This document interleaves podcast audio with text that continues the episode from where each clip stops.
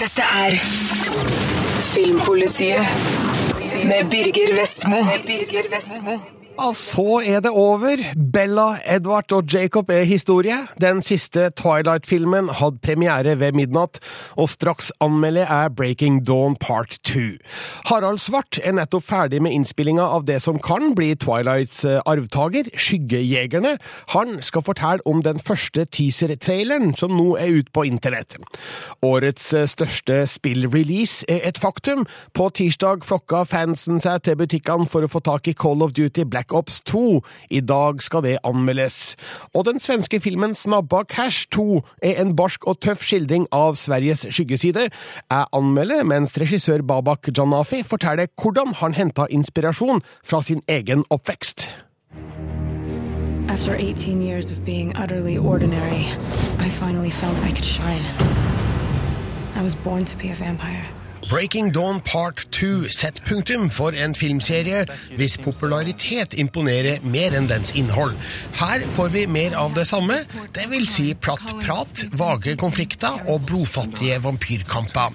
Men regissør Bill Condon greier òg glimtvis å gi oss en følelse av hovedpersonenes sanselige opplevelse av hverandre og verden rundt dem.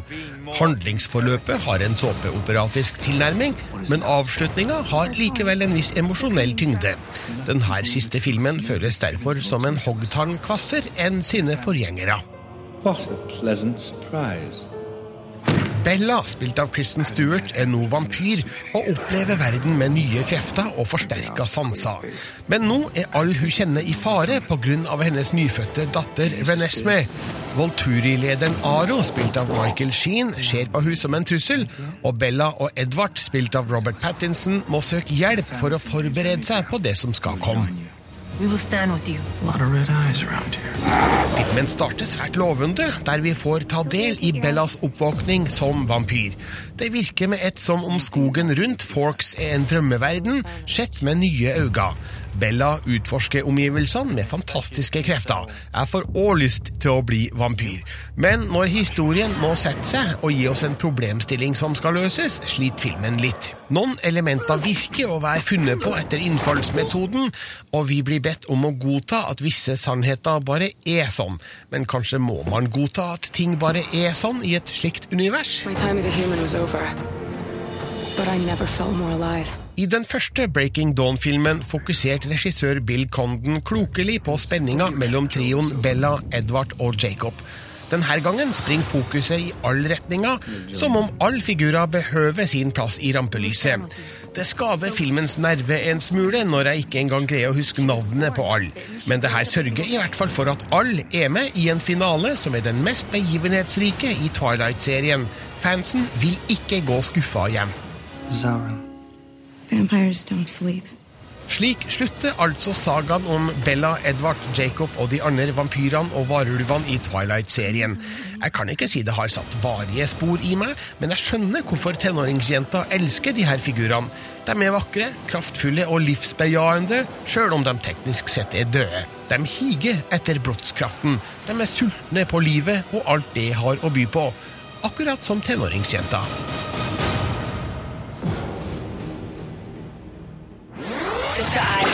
Filmpolitiet på P3. What can I see when no one else can? Not a mundane. What's a mundane? Someone from the human world. Well, if not a human, then what am I? Your mother is a shadow hunter, like you. I've been hunting demons across the world in their varying different forms. Shadow hunters. Half angel, half human. Beings of immense power. Det her er lyd fra Harald Svarts kommende film The Mortal Instruments City of Bones, som i Norge skal hete Skyggejegerne, demonenes by. Premieren den er i august neste år, men allerede nå får vi altså en forsmak i form av en teaser-trailer. Harald Svart, gratulerer med fet trailer. Ja, takk. Tusen takk. Vi laget jo den eh, før vi egentlig er ferdig med innspillingen. Hvis eh, ikke alle bildene er inni der ennå. Eller jeg får si sånn eh, Ja, det er mer igjen. Ja, for innspillinga den var jo ferdig først torsdag i forrige uke. Hvordan har markedsavdelinga greid å skrape sammen en trailer på så kort tid? Ja, det er altså Man filmer jo hele tiden øh, ting, så det er jo alltid noe å hente fra det, det vi filmet forrige uke. Putter vi da inn i traileren igjen. Det har, det har vært en veldig etterspørsel etter, øh, etter en trailer fra fans og fra, fra Sony generelt. Uh, fordi at de visste at de uh, ville ha den på, foran uh, Breaking Dawn. Så vi har liksom planlagt litt grann sånn da, at du passer på når du lager tidsplanen at du filmer ting som kan passe i en trailer litt tidligere i, i timeplanen din. sånn. Som du nevnte, Harald, denne traileren skal vises foran Breaking Dawn part 2 over hele verden fra i dag av. Er det dette publikummet denne filmen først og fremst er retta mot? Ja, det er vel Det er i hvert fall slik det ser ut nå. Altså, jeg vet at boken og eh, altså, mange av fansene til, eh, til prosjektet er nok kanskje eh, eldre, eller sprer seg litt mer oppover også. Men det er i hvert fall kjernepublikummet slik det ser ut nå, da. Så det er en god posisjonering for markedsføringen. Hva er det som er viktig å få formidla via denne første teaser-traileren? Det finnes det jo ikke noe godt svar på. Der er det holdt å si, like mange løsninger som det finnes eh, tenkende hoder på sånt noe. Der har vi vært frem og tilbake hele tiden. og Det som har vært viktig for meg, er å, å få, få, noe av mystikken og noe av det at det kjennes ganske virkelighetstro ut, og at det har en eh, ganske mørk eh, kjærlighetshistorie og litt sånne ting. Eh, at man nettopp ikke prøver å, å løpe etter publikum, men heller eh, overraske publikum. Fordi det er veldig fort gjort at man tenker ja, dette er jo en sånn film, så derfor må traileren være sånn. Og det har vi forsøkt å, å vri oss litt unna, i hvert fall. Traileren den har jo en form og et innhold som, som ser ut som en ekte blockbuster. Syns du den representerer filmen din på, på en god måte? Ja, det syns jeg. Den, det er et, et godt lite snapshot av hva filmen kan være. Som sagt så, så ble jo denne traileren laget lenge før vi var ferdig med all innspillingen, så, så, det er mye igjen å, vise. Men jeg, jeg, føler at den bevarer hvert fall litt av tonen i, i filmen. da. Vi snakka sammen da du så vidt hadde begynt på innspillinga av The Mortal Instruments, og vi snakka litt om hvordan dette beveger seg i samme landskap som Twilight og, og Harry Potter. Syns du nå når innspillinga er over, at det er en fair sammenligning? Ja, altså jeg syns vel kanskje det er hva skal jeg si, en, en litt mer Harry Potter enn Twilight, holdt jeg på å si. Jeg har vært som sagt mer opptatt av, av forholdene mellom karakterene og, og Clary sin reise og litt sånt noe, enn en så mye Det har ikke vært så veldig mye uh, monster movie, for å si det sånn. Og, og det syns jeg absolutt vi har fått til, å, å lage en mystikk og, og, et godt karakterdrama. Altså Det som er gøy med, med fantasy-sjangeren og science fiction-sjanger generelt, er jo at man har på en måte en lisens til å dra til litt ekstra på store temaer og, og dramatikk. Uh, og når det da gjøres av skuespillere som også kan gjøre det slik at det kjennes virkelig ut, så, så, så sitter man i kinosalen og, og, og, får den der ordentlige filmfølelsen. Og det syns jeg vi har fått til. Men syns du at uh, filmen din uh, etter innspillinga nå da har like sterke figurer som Edvard og Bella og Jacob i Twilight og Harry, Hermine og Ronny i Harry Potter? ja, Det er vanskelig å si. Jeg syns jo det. Jeg syns jo de har dybde og konflikter og mye å slite med, holdt jeg på å si. Så jeg syns jo absolutt det. Om vi får det fram, det, det gjenstår jo å se, men, men, det er i hvert fall den følelsen jeg sitter igjen med. Tilbake til innspillinga som altså nettopp er over. Hvordan gikk det egentlig? Det har gått veldig bra. Jeg har jo vært så heldig å ha med meg den norske fotografen Geir, Geir Hartley Andreassen, som har vært fantastisk. Så han er nok et nytt stjerneskudd på Hollywood-himmelen, for å si det sånn.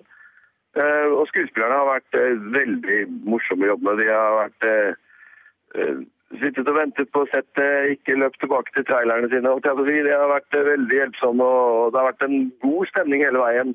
Det har vært et lite ensemble av mange skuespillere. og og nye som har kommet om bord og, og sånn. Det har alltid vært en god stemning. altså. Så jeg syns vi har hatt det gøy. Men ut ifra traileren så virker det her å være en skikkelig stor film. Eh, Det må jo oppstå kompliserte situasjoner som du må takle der og da? Ja, Det er jo ikke mer komplisert enn at det er eh, tekniske løsninger. Eh, altså det som, det som er vanskelig, er jo, som jeg nevnte tidligere, å, å lage troverdige karakterer. Og, og der har vi bare eh, gjort leseprøver og jobbet oss fram og, og funnet dialog som, som passer og sånne ting. Så, så ja, det, har vært, det har vært en ganske trang timeplan. Vi har hatt mye å gjøre, men det har ikke vært noe noe ikke vi har overkommet på noen måte. altså. Men sjøl om innspillinga er ferdig, så er jo ikke filmen langt på nær ferdig. Hva blir dine oppgaver nå i året som kommer før eh, premieren i august? Ja, nå skal jeg, jeg skal klippe filmen i mitt eget hus i Santa Monica, da, så jeg får jo vært mye sammen med familien, og det er vel det viktigste for meg akkurat nå. Ehm, så da styrer jeg vel stort sett min egen timeplan og kan klippe, ta ungene på skolen og klippe litt, og hente dem på skolen og klippe litt. Så nå er det stort sett bare klipp og, og special effects da, og musikk og eh, en generell etterarbeid, altså. Det høres ut som eh, dette er sånn kosejobb for deg. Eh, Føler du ikke noe som helst press? Ja, altså, jeg har lært meg gjennom årens løp jeg å ikke la meg bli eh, presset, holdt jeg på å si. Det er jo alltid mye å, å lese hvis man skal liksom prøve å, å følge på all hype og hva mennesker mener og tror og alt sånt noe. Det, det, jeg konsentrerer meg mest bare om å, å lage den filmen jeg syns er best, og så, og så får det stå til, holdt jeg på å si. Så ja, jeg, jeg syns jo bare det er gøy å lage film uansett. Jeg er jo utrolig heldig som får lov til å holde på med det her. Så jeg, jeg kan ikke klage, som det heter. Men bøssen og hypen på internett, eh, den vokser stadig vekk. Eh, Nå i første omgang så er det jo bokfansen som står for den, men eh, det kommer jo stadig flere som mener at dette kan bli en av neste års virkelig store filmer. Hva, har, du, har, har du trua på det sjøl, Harald?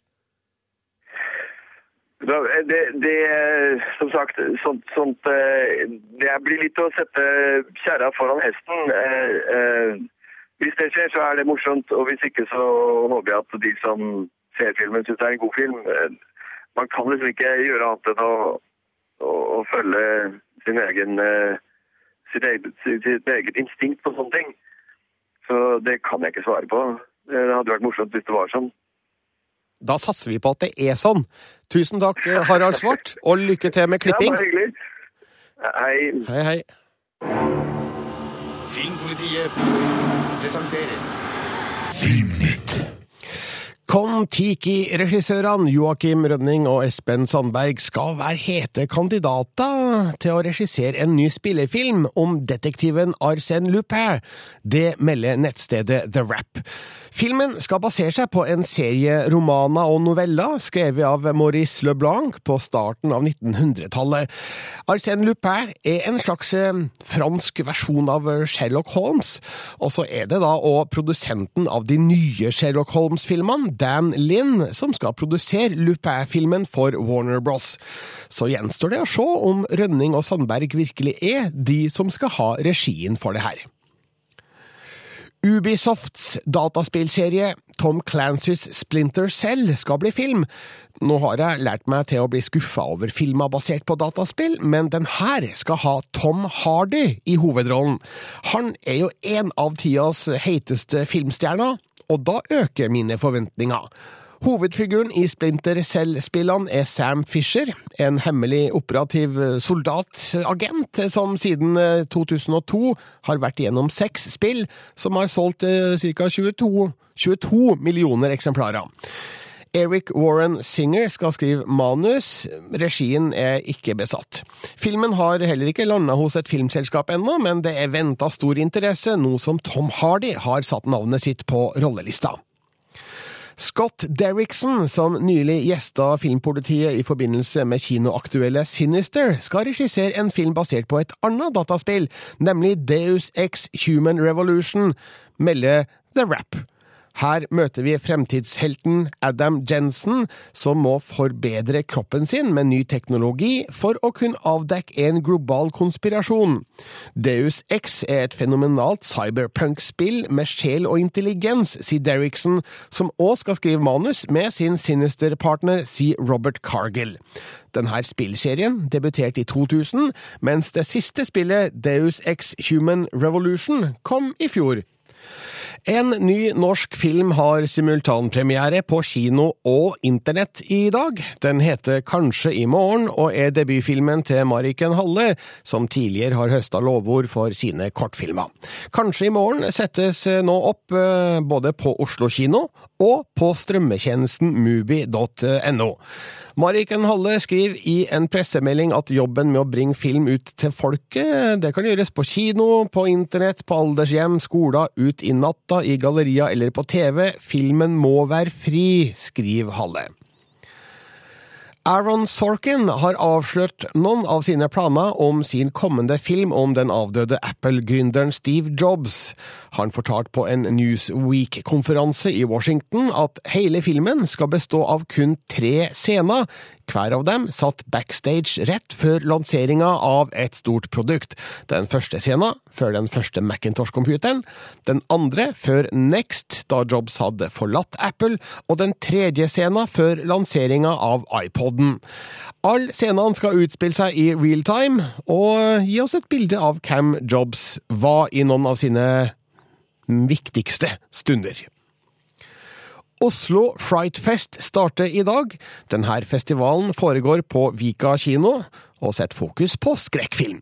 Her kan du se nye filmer som for eksempel Excision med Tracy Lords, John Waters og Malcolm McDowell, australske Crawl, amerikanske Swamp Zombies og de norske filmene Hora, Inside the Whore, The Thrill of the Kill og Zombies 3D, samt klassikeren Dr. Caligaris kabinett med livemusikk av Void of Voices, soloprosjektet til Attila Skihar fra Mayhem. Mer info om Oslo Frightfest på webadressen oslofrightfest.no.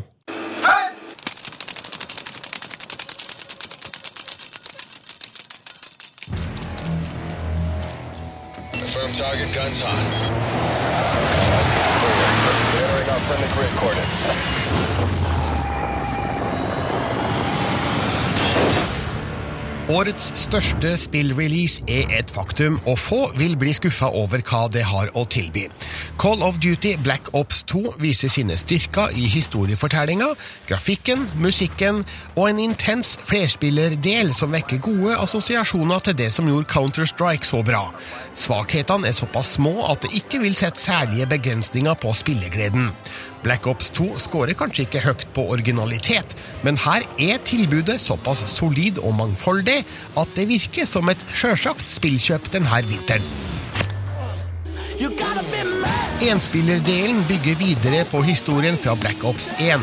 Vi møter igjen Alex Mason på oppdrag under den første kalde krigen mellom USA og Sovjetunionen, men òg sønnen David Mason i aksjon under den neste kalde krigen mellom USA og Kina i 2025. Deres nemesis er terroristen Raúl Menendez, som har sverga hevn over Vesten. Historien veksler mellom farens oppdrag i fortida og sønnens oppdrag i fremtida. Alex sine handlinger får konsekvenser for David. De stadige tidshoppene mellom ulike tiår og oppdrag gjør at enspillerdelen er svært variert. Allerede i starten av spillet skifter du fra et savanneslag i Angola til en høyteknologisk undergrunnsbase i Burma, til å skyte ned russiske helikoptre med Stinger-raketter fra hesteryggen i Afghanistan. Manuset er skrevet av David S. Goyer, som også skrev den siste Batman-trilogien. Han har sørga for at historiens ramme virker solid og troverdig, og at vekslinga mellom tidsepokene har mål og mening. Jeg liker òg at historiens skurk Menendez fremstilles med klare motiver, og ikke bare som en slem mann som må ekspederes. Hans bakgrunnshistorie får meg til å undres hvem som egentlig er good guy og bad guy i Black Ops 2. Boys better get your shit together. Flerspillerdelen er nok det som vil bli aller mest spilt i Black Ops 2, og den skuffer ikke med mange typer spillmodus og brett. I League Play blir du rangert etter tidligere bedrifter og satt opp mot spillere på samme nivå.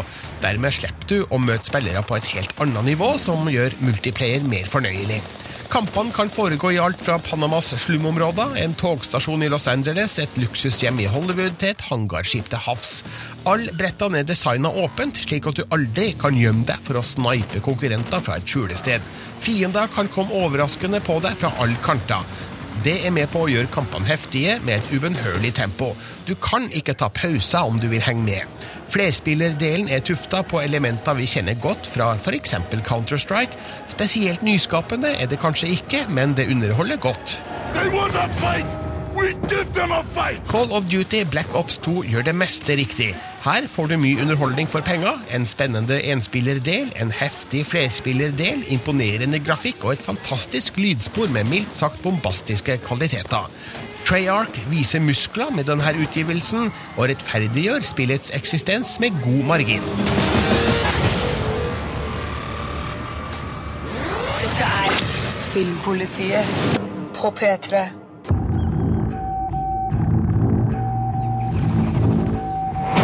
Johan Westlund, du har vært her i tre år nå. I dag skal du ut på din første obevakade permisjon. Den innebærer at vi gir deg et stort fortroende, Johan. Om du sviker oss i det förtroendet kan du räkna med rejäla straffpåföljder. Joel Kinnaman er en stigende stjerne. Etter et lite innhopp mot Ryan Reynolds i Safe House er han nå i ferd med å bli den nye Robocop. Først tar han en gjenvisitt til rollen som breaka han internasjonalt, nemlig JV i Snabba Cash. Oppfølgeren med et totall bak er en barsk og tett thriller med skarpe prestasjoner av både Kinnaman, Fares Fares og Mathias Varela. Regissør Babak Janafi tilfører en betonggrå intensitet og viser Sveriges skyggeside som nettopp det, en skyggeside. Jeg kan ikke sitte en dag til der inne. Om det er det du tenker gjøre, du vet at att det inte finns någon återvändo. Okej? JV, spilt av Kinnaman, slipper ut av fengsel etter den første filmens mislykka forsøk på å heve seg opp til overklassen med ulovlig tilegna penger. Men når hans nye lovlydige prosjekt faller i grus, legger han en ny plan sammen med cellekameraten Mrado, spilt av Dragomir Mrsic, for å skaffe pengene til livet han føler han har krav på. Samtidig er to andre kjenninger ute i lignende oppdrag, nemlig Jorge, spilt av Mathias Varela, og Mahmoud, spilt av Fares Fares. Deres veier skal krysses på farligste vis i Stockholms underverden. Han tror at han er smart. at han er odørbar. Men på Solvalla vet ingen hvem han er. Snabba Cash 2 forutsetter litt at du har sett Snabba Cash 1, men sjøl jeg, som så den første, har litt problemer med å huske ulike figurers relasjon til hverandre. Derfor tar det en stund før jeg innser tyngden av Jeve, Jorge og Mahmouds historier, og hvordan de vikler seg inn i hverandre. Kanskje skulle toeren starta med et lite resymé av det viktigste som skjedde i eneren. Så forsto de alle at det var jeg som var råttan. Men når deres plasser i historien blir klargjort, og problemene tårner seg opp, blir det her en ganske interessant historie om hva enkelte ubemidlede er villige til å gjøre for å skaffe seg midler. Det er òg et mattsvart bilde av tung østeuropeisk mafiavirksomhet, med narko, horer, skytevåpen og null respekt for menneskeliv. Det hender nok at jeg savner noe som ligner menneskelighet. Her er det ikke engang plass til sort humor. Kunne vi ikke fått ett ekte glimt av varme? Noen av figurene og situasjonene er så kalde at det nesten blir påtatt. Det fins ingen återvändo, JW. Du må ta hele steget over på andre siden. Sant skal sies. Regissør Babak Janafi har laga en film med en gjennomført tøff tone. Både billeduttrykk, scenografi og filmmusikk understreker det hardkokte miljøet denne historien fortelles i. Den som måtte drømme om å bli gangster, får seg en skikkelig reality check her. Snabba Cash 2 avslutter med en del spørsmål hengende i lufta. Da er det greit å vite at Snabba Cash 3 kommer neste år.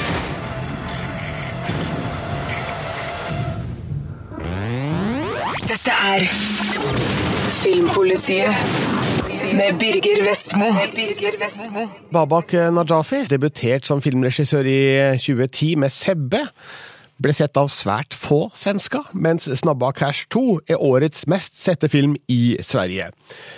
Najafi kom til Sverige fra Irak da han var elleve år gammel. Eh, Han hadde en eh, tøff oppvekst i et hardt miljø i Uppsala. Og da filmbonanzas Vegard Larsen møtte Babak Najafi i Stockholm, fortalte han hvordan han ble inspirert av sin egen barndom og ungdom i arbeidet med Snabba Cash 2. Karaktärerna i Snabba Cash 2 är människor som jag har träffat tidigare för många, många, många år sedan.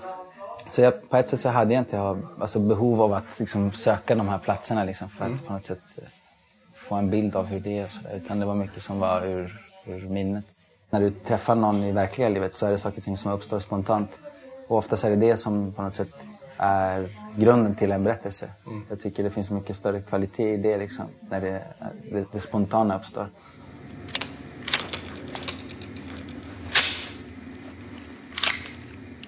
Vad var det? Hva skal vi gjøre? Mahmoud? Ha?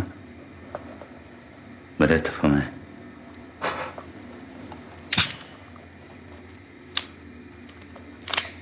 Filmen inneholder jo en del vold. Men en av de sterkeste scenene for meg i hvert fall, var, var scenen der eh, Mahmoud eh, slår sin egen far.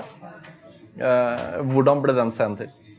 Eh, det ögonblicket uppstod i centrala Uppsala för 22 år sedan.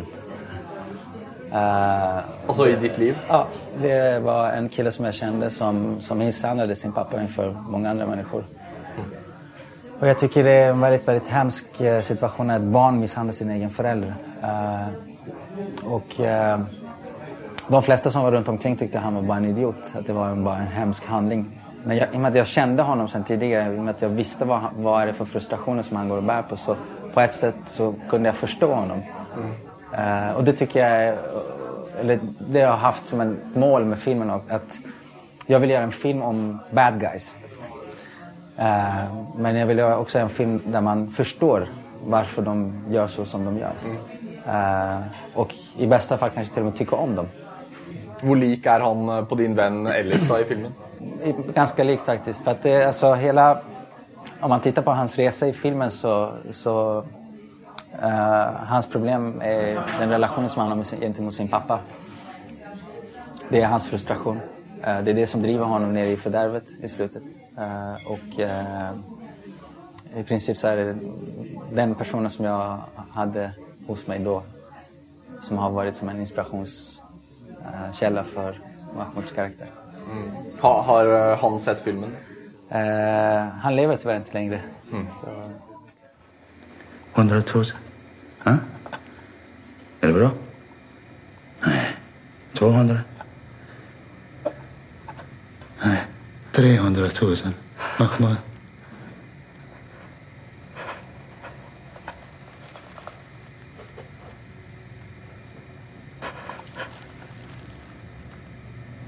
Får helgen på det. Ok? Stikk i veien nå.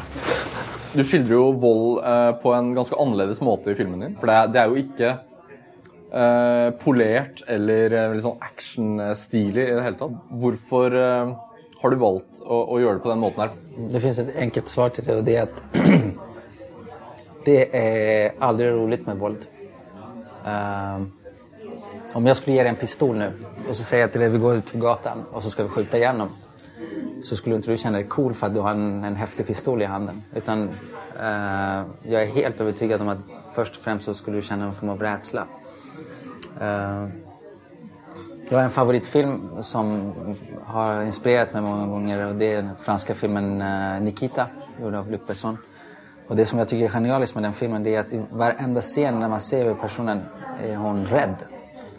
Eh, och det gör att för mig blir hon otroligt mänsklig. Även om hon begår en hemsk handling så är hon rädd.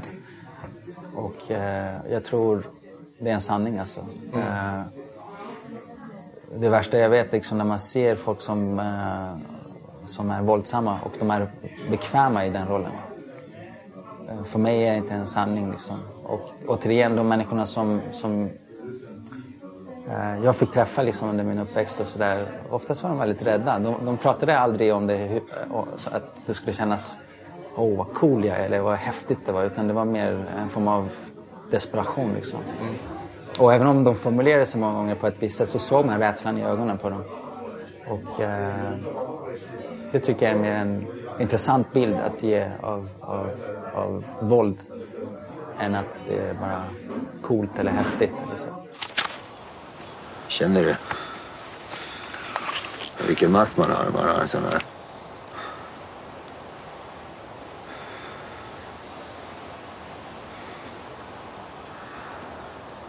Jag tror inte jag kan göra det här. Vad är det? Jag tror inte jag kan göra det här. Det här är inte jag. Jag kan inte göra det här. Det visste du. Okej. Vad sa du til meg i telefon? Ingen återvändo, ok? Du må ta hele steget over på andre siden, Jive. Du holder på å vela däremellan. Det funker ikke. Det Det er ikke jeg. Jo, det er du! I, I eh, din debutfilm, eh, Sebbe, og også i Snabbakash 2, så, så handler det veldig mye om uh, det å være utenfor noe, og, men også ville inn. da. Hvorfor er det en tematikk som du syns er interessant? Eh, jag vet inte, kanske återigen hänger på alltså det ursprung som jag själv har. Eh, där jag träffade många människor som kom från olika delar av världen. Där eh, deras liv såg helt annorlunda ut än när de kom till Sverige. Och I princip så handlar det många gånger om att de hamnade utanför eh, en viss norm. Och deras be desperata behov av att tillhöra. Att få, få vara en del av helheten. Liksom. Var det sånn for deg? Eh, I mange avseenden, absolut. absolutt. Och, eh, och för många blev det en form av frustration som guidet dem inn i kriminalitet og en destruktiv livsstil. I mitt fall så handler det om at i stedet for å se det som en motstånd så, så, som, som er noe negativt så forsøkte jeg å se på det som noe, en, noen form av tilgang. En inspirasjonskilde. Mm. Uh, der, der, man anstränger seg helt enkelt enda hårdare för å oppnå en viss mål. Liksom. Hvor mange mål har du oppnådd til nå? Oj, jag vet ikke Det, Jeg vet ikke ens om jeg kommer å oppnå alle mine mål. Det, är- det er bare en naiv uh, inställning som jeg har. Men uh, om man skal tillåta seg selv å være litt uh, pretentiös så syns jeg det er alltid å forsøke å ha en røst som blir hørt. Mm. For meg det absolutt største belønningen som, som jeg skulle få det er att eh, en människa i, i, i Oslo ser Snabba Cash 2 som är precis på, på gränsen till att falla in i destruktivitet, en kriminellt livsstil liksom. Och så efter filmen väljer en annan bana. Det är en ännu större belöning för mig än att göra en film i sig. Liksom. Altså, hvis noen er på vei ut på skråplanet, skjer Snabba Cash 2 og deretter bestemmer seg for å la livet ta en annen retning, så er det den beste belønninga regissør Babak Najafi kan få. Intervjuet ble gjort av Vegard Larsen, og du kan se eh, hele saken i denne ukas utgave av Filmbonanza på tv.nrk.no. Dette er Filmpolitiet med Birger Vestmo. Med Birger Vestmo. Du hører nå en podkast fra NRK P3. Hent flere podkaster fra NRK på nettsiden nrk.no podkast. NRK P3.